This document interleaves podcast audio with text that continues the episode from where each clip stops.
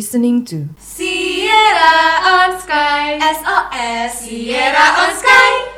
Jar, kayaknya kita tuh udah lama banget ya nggak ngisi SOS, nggak ngobrol-ngobrol bareng sama sahabat Sierra lagi. Iya bener. Gue kangen banget sih sama sahabat Sierra. Kayak lo udah lama banget gak ketemu.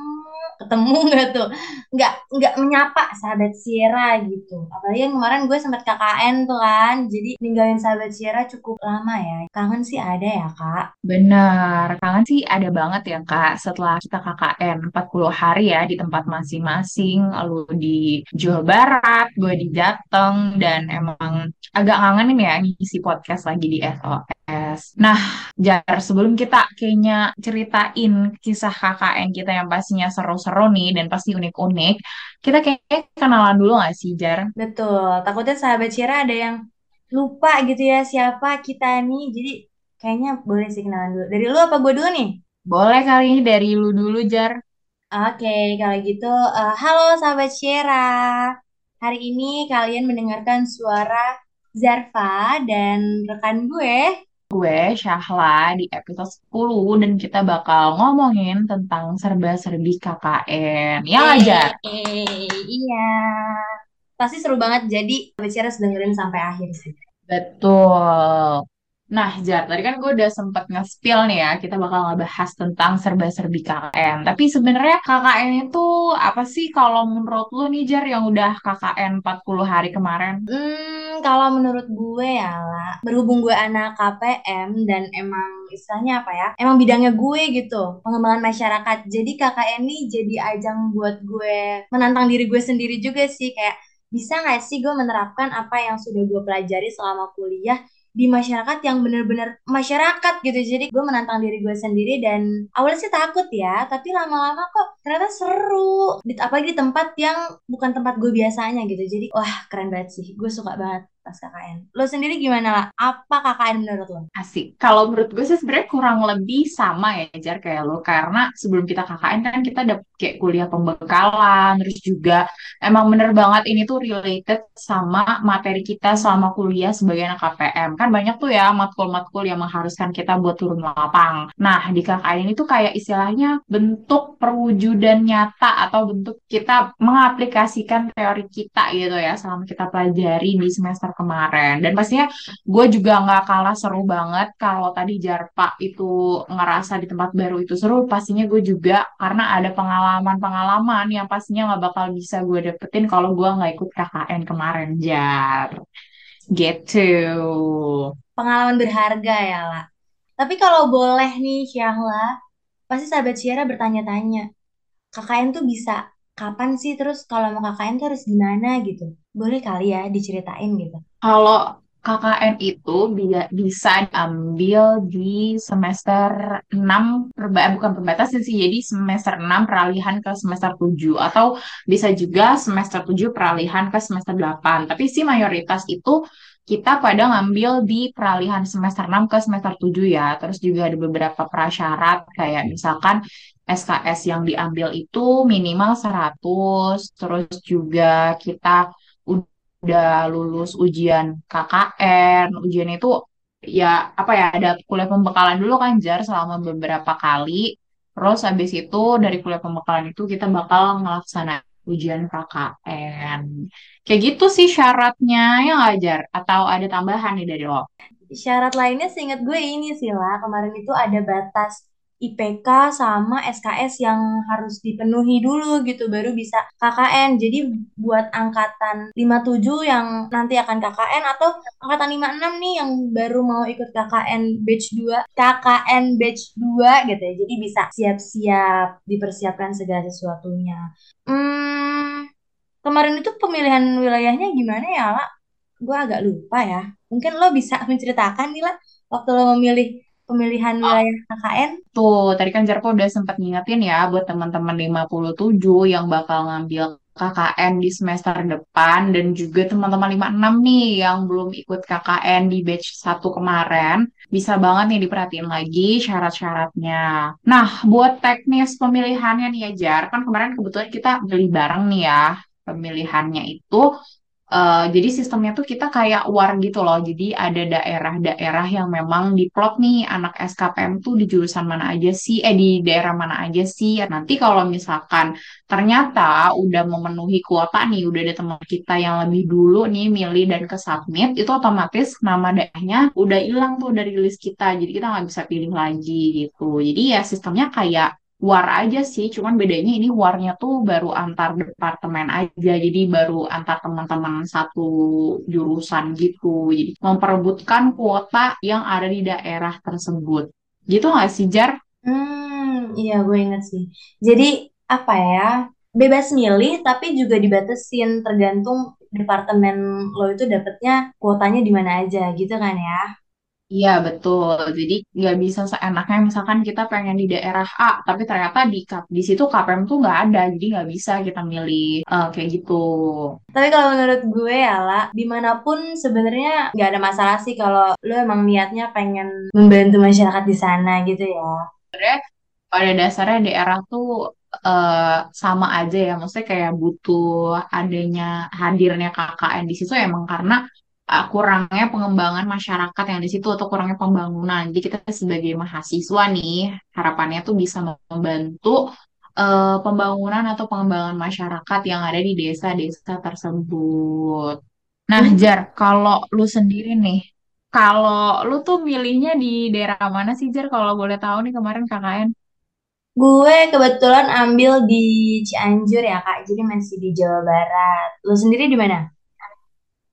Kalau gue, sebenarnya awalnya juga gue milih kan, Jar, Cianjur bareng sama lu, tapi karena kuota di Cianjur itu penuh, jadi gue pindah nih, gue pindah agak jauh ya, cukup jauh dari Cianjur, yaitu di eh, Kabupaten Wonogiri, khususnya di Kecamatan Praci Mantoro, Jawa Tengah nih, Jar. Gimana di Cianjur, seru nggak? Seru banget sih, kayak di sana tuh dingin gitu kan. Kayak di Bogor gue jarang nih ngerasain dingin. Di sana dingin banget. Suhu kalau pagi tuh gue bangun dia sampai 16 derajat gitu dinginnya. Terus banyak sawah ya. Di sana tuh panjang jalan sawah semua hijau-hijau seger lah di mata. Lo sendiri menikmati nggak KKN lo di Wonogiri? Tapi tadi dulu nih, gue mau nanya dulu nih, lu selama KKN mandi pagi nggak tuh? Kan itu 16 derajat dingin banget nih.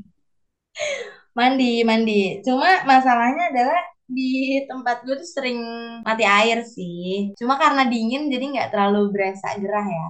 Oh gitu. Katanya sih gue denger dia kemarin ada yang karena mati air jadinya berenang ya. Iya Satunya yang berenang. betul. Saya udah sangat frustasi menunggu air nyala, jadinya mandi di kolam renang.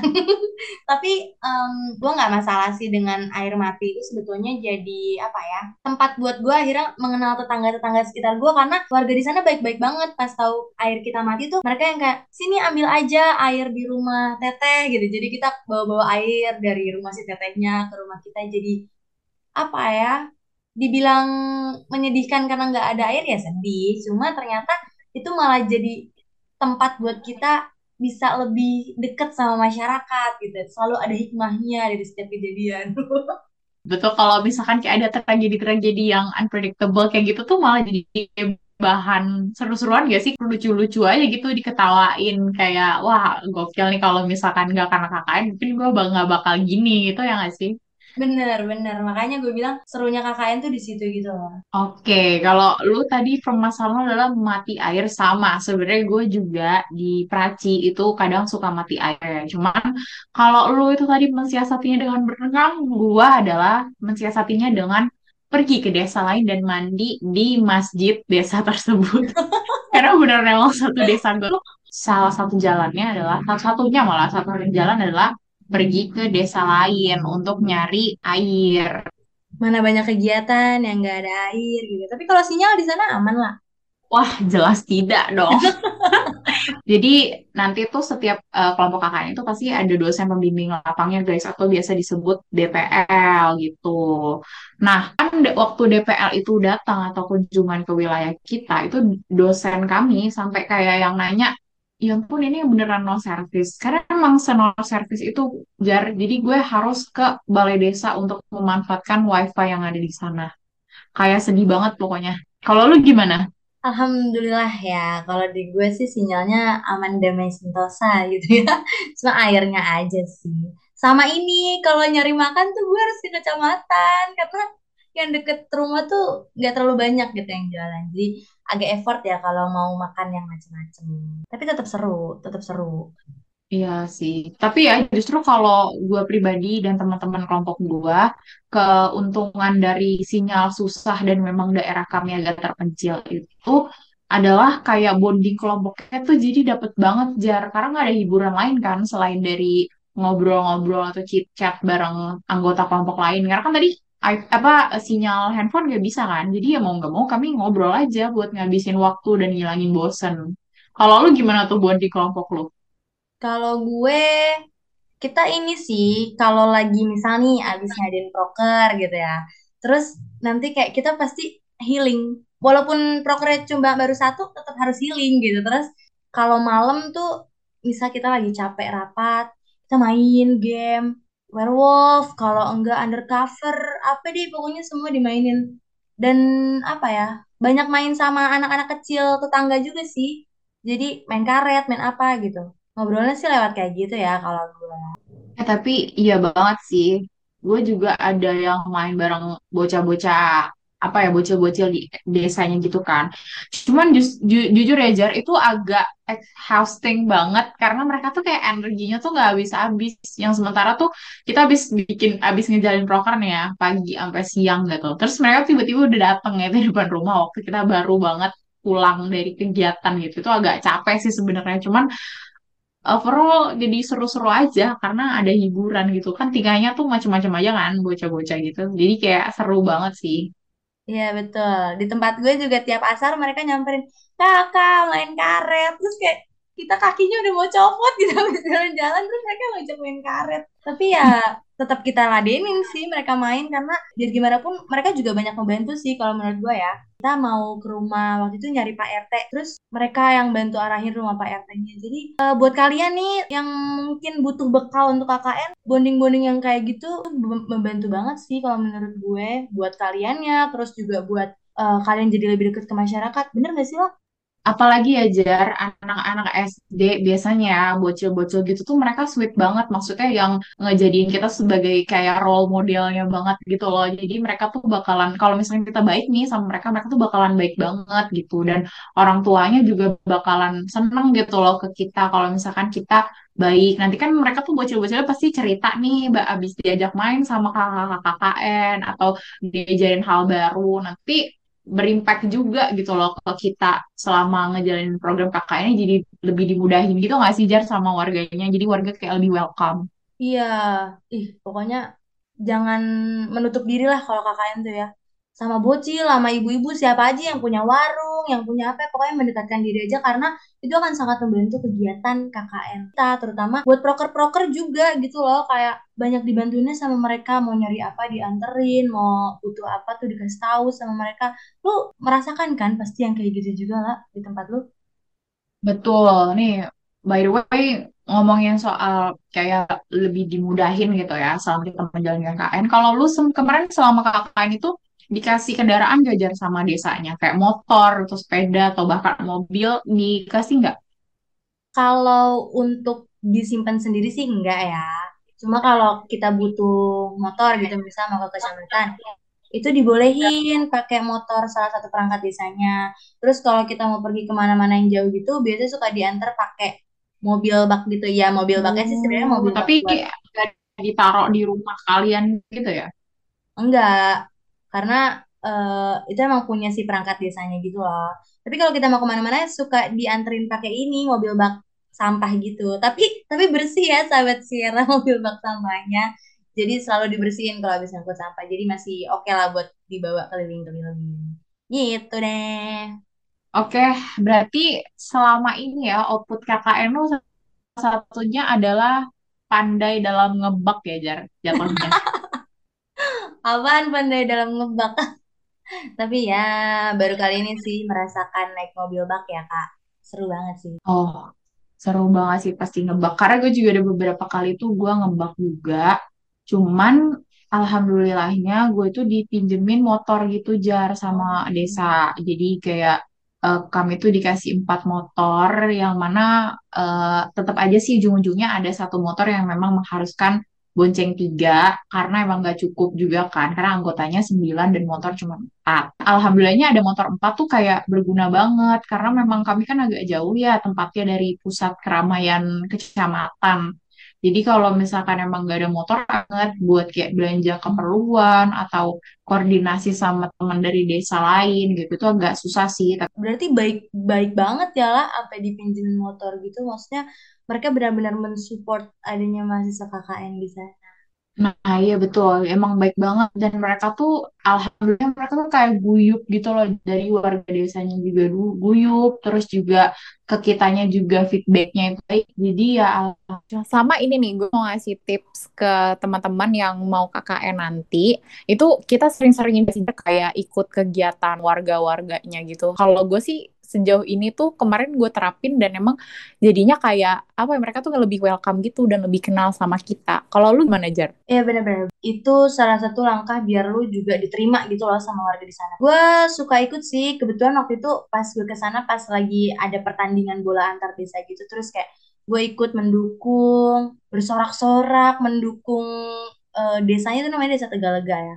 Gue ikut terus kayak dari situ jadi makin deket sih. Terus jadi sering dia diajak ngeliwet. Enak banget ngeliwet. Kalau ngelewat tuh ngapain tuh Jar biasanya? Apa sih ngelewat tuh? makan makan gitu loh pakai daun pisang terus nasinya dituangin di atas daun pisang terus makannya berjejer gitu barengan lauknya macam-macam itu enak banget sih kayak tiap abis acara pasti ngeliwet acara apa ngeliwet enak banget gue sampai kenyang ngeliwet di sana Oh pantes kemarin ada yang cerita kalau berat badannya naik berapa kilo gitu ya.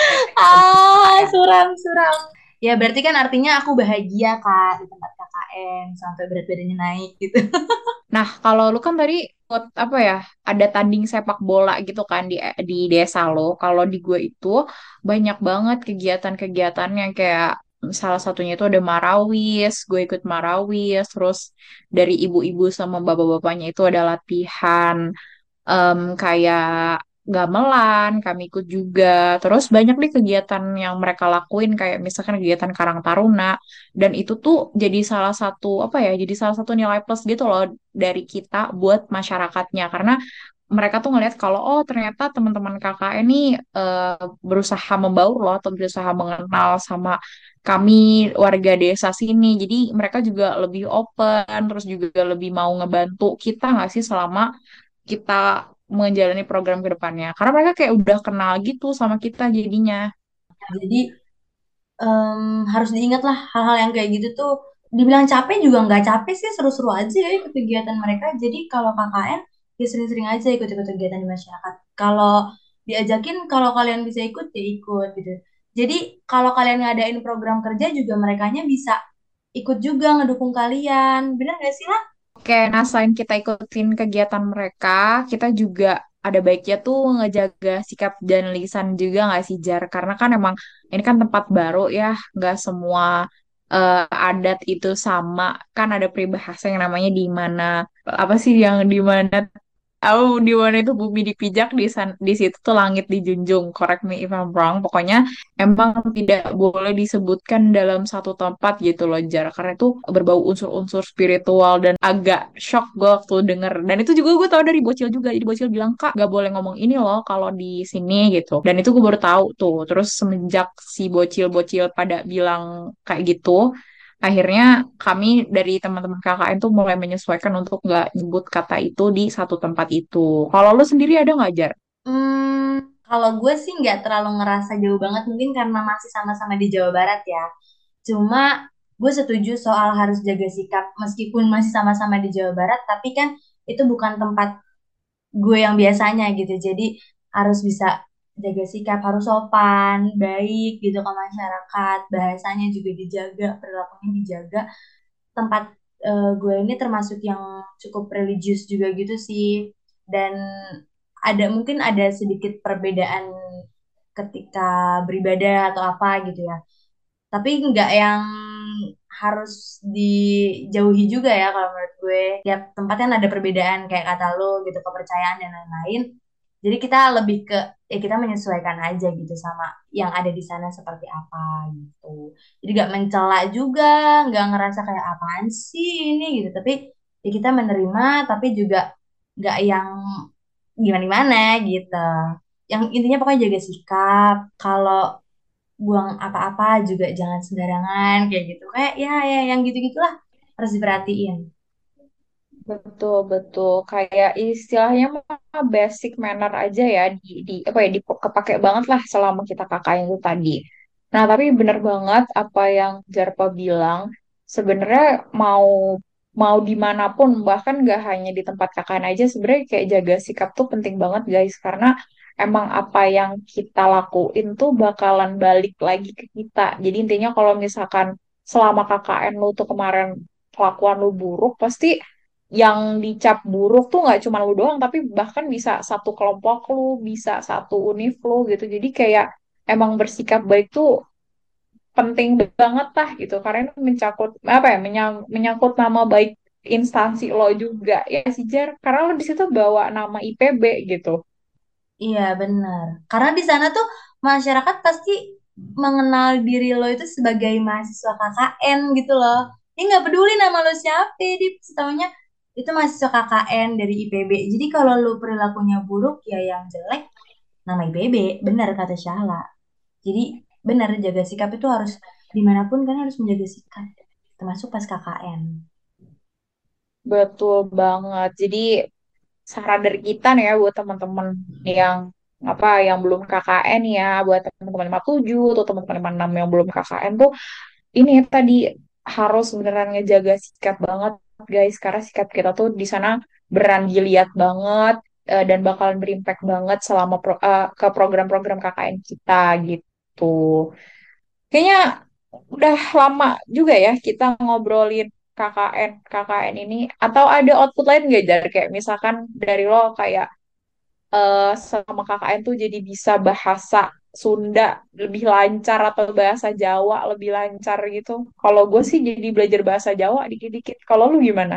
Ah, gua lebih rajin ibadah. Soalnya gue pas KKN tuh temen gue sholat subuhnya selalu tepat waktu, sholat zuhur tepat waktu. Gue tiap sholat selalu tepat waktu, jadi kayak jadi ke bawah ya. Cuma kalau soal bahasa Sunda sih gue tetap nggak bisa. Soalnya Sunda di sana sangat halus, Kak. Saya tidak mengerti bahasanya. Gitu, tapi saya suka di sana. Asik, jadi makin ini ya beriman istilahnya setelah KKN tadi. Oke, kalau tadi eh Jarpa jadi semakin beriman output KKN-nya, kalau gue jadi sedikit mengerti dalam berbahasa Jawa dan yang gue tahu tuh ternyata bahasa Jawa tuh kayak ada tingkatannya gitu loh, Jar. Ada tiga tingkatan. Yang tingkat ketiga tuh yang emang paling halus banget dan itu dikit-dikit gue pelajari lah untuk basic conversation selama KKN kemarin. By the way nih Jar, ternyata waktu kita udah terlalu lama, udah terlalu panjang sepertinya dalam membicarakan soal KKN ini. Karena emang seru banget ya sih Jar KKN itu kayak banyak banget pengalaman yang kita dapetin sama KKN. Tahu apa lagi nih Jar kalau dari lo, dari versi lo? Dapat teman baru juga sih sejujurnya. Dapat teman baru juga lah, terus dapat relasi ya karena kan jadi punya keluarga lah istilahnya di Cianjur sana. Terus ini sih kalau gue pribadi sejujurnya dari hasil gue KKN kemarin, gue jadi terinspirasi untuk bisa dapet topik yang insya Allah akan gue angkat buat tugas akhir gue sebagai mahasiswa nanti. Ya doain aja semoga lancar ya topik yang akan saya angkat ini. Amin ya Allah. Amin, amin, amin, amin, amin. Kalau eh, selain dari itu kayak cinlok-cinlok gitu ada nggak tuh di KKN lo? Nggak ada kak. Kalau kakak kayaknya dengar-dengar ada ya kak. Ada dong, ada. Ya, memang bumbu-bumbu percinlokan ini emang agak sulit dihindari karena kita hidup bareng-bareng ya 40 hari. Jadi kayak cilok-cilok gitu mah ada kayaknya tipis-tipis gitu. Ya, seru sih. Itu itu adalah benefit dari KKN juga guys. Jadi eh, buat kalian yang jomblo-jomblo nggak usah worry. Mungkin dari KKN lah adalah pintu gerbang kalian untuk menemukan sandaran hati. Waduh. Oke, kalau tadi Zarva itu dapat inspirasi buat menulis skripsi, kalau gue tuh nggak dapet, bukan nggak dapet sih, maksudnya dari wilayah gue tuh lebih cocok untuk teman-teman dari kehutanan gitu, kehutanan sama pertanian. Jadi kalau gue sendiri tuh kayak pengalaman yang emang memorable banget sih buat gue kalau misalkan, oh sebenarnya kita tuh termasuk yang beruntung gitu loh bisa dapat privilege tinggal di kota yang apa pun tuh sebenarnya gampang dan reachable. Kalau misalkan di tempat kakek gue tuh emang jujur agak susah banget karena sinyal aja susah, terus ke mana-mana jauh. Jadi emang harus lebih banyak-banyak bersyukur sih, Jar. Kalau lu apalagi nih selain itu? Bersyukur juga gak sih? Iya, di sana mengajarkan gue bersyukur juga sih kayak pas ada air tuh pasti langsung yang kayak wah happy banget gitu. Pokoknya jadi apa ya? Banyak hal-hal yang bikin gue jadi lebih menghargai hal-hal kecil kayak gitu dari sana. Oke, nah eh, sebelum kita tutup nih, gue kayaknya mau ingatin lagi nih ke sahabat Sierra, jangan lupa follow media sosial Hima Sierra dan terus dengerin SOS karena pastinya episode-episodenya bakalan seru dan ada cerita-cerita yang menarik. Ya ngajar. Betul, pokoknya layak sekali untuk Ya. di-follow, di-like, dan ya pokoknya nikmatin aja lah ya konten-konten dari kita. Sama gue juga mau ingetin nih Shala untuk sahabat Sierra, kalau sebentar lagi mega proker dari Himasyera yaitu Connection, tahun ini Connection yang ke-8, bakal diselenggarain sebentar lagi. Jadi diikutin terus Hmm, kalau bisa sih dikepoin aja media sosialnya Connection gitu ya dan ada perlombaan yang lagi dibuka. Jadi buat sahabat Syara yang tertarik untuk ikut perlombaannya, jangan lupa daftar perlombaannya karena ada hadiah yang menarik. Kapan lagi kan kita lomba dan dapat hadiah yang emang menarik banget? Itu-itu buat jajan gak sih, Jar? Betul, kalau punya bakat tuh ya disalurkan lah ya, jangan dipendem gitu aja. Siapa tahu kan dapat duitnya gitu untuk kalian ya. Betul, dan dapat sertifikat internasional juga. Jadi, yuk yang punya bakat nih, langsung aja gas kita daftar connection dan jangan lupa nonton acara puncaknya. Oke deh, karena udah lama banget nih kita ngomong ya. Jadi kalau gitu kita berdua pamit dulu ya, sahabat Syera. Gue Zarfa. Dan gue Syahla, jangan lupa terus dengerin SOS karena bakal ada episode yang menarik di setiap episodenya. Dadah, sahabat Syera. Thank you for listening us. Share this podcast to your friends.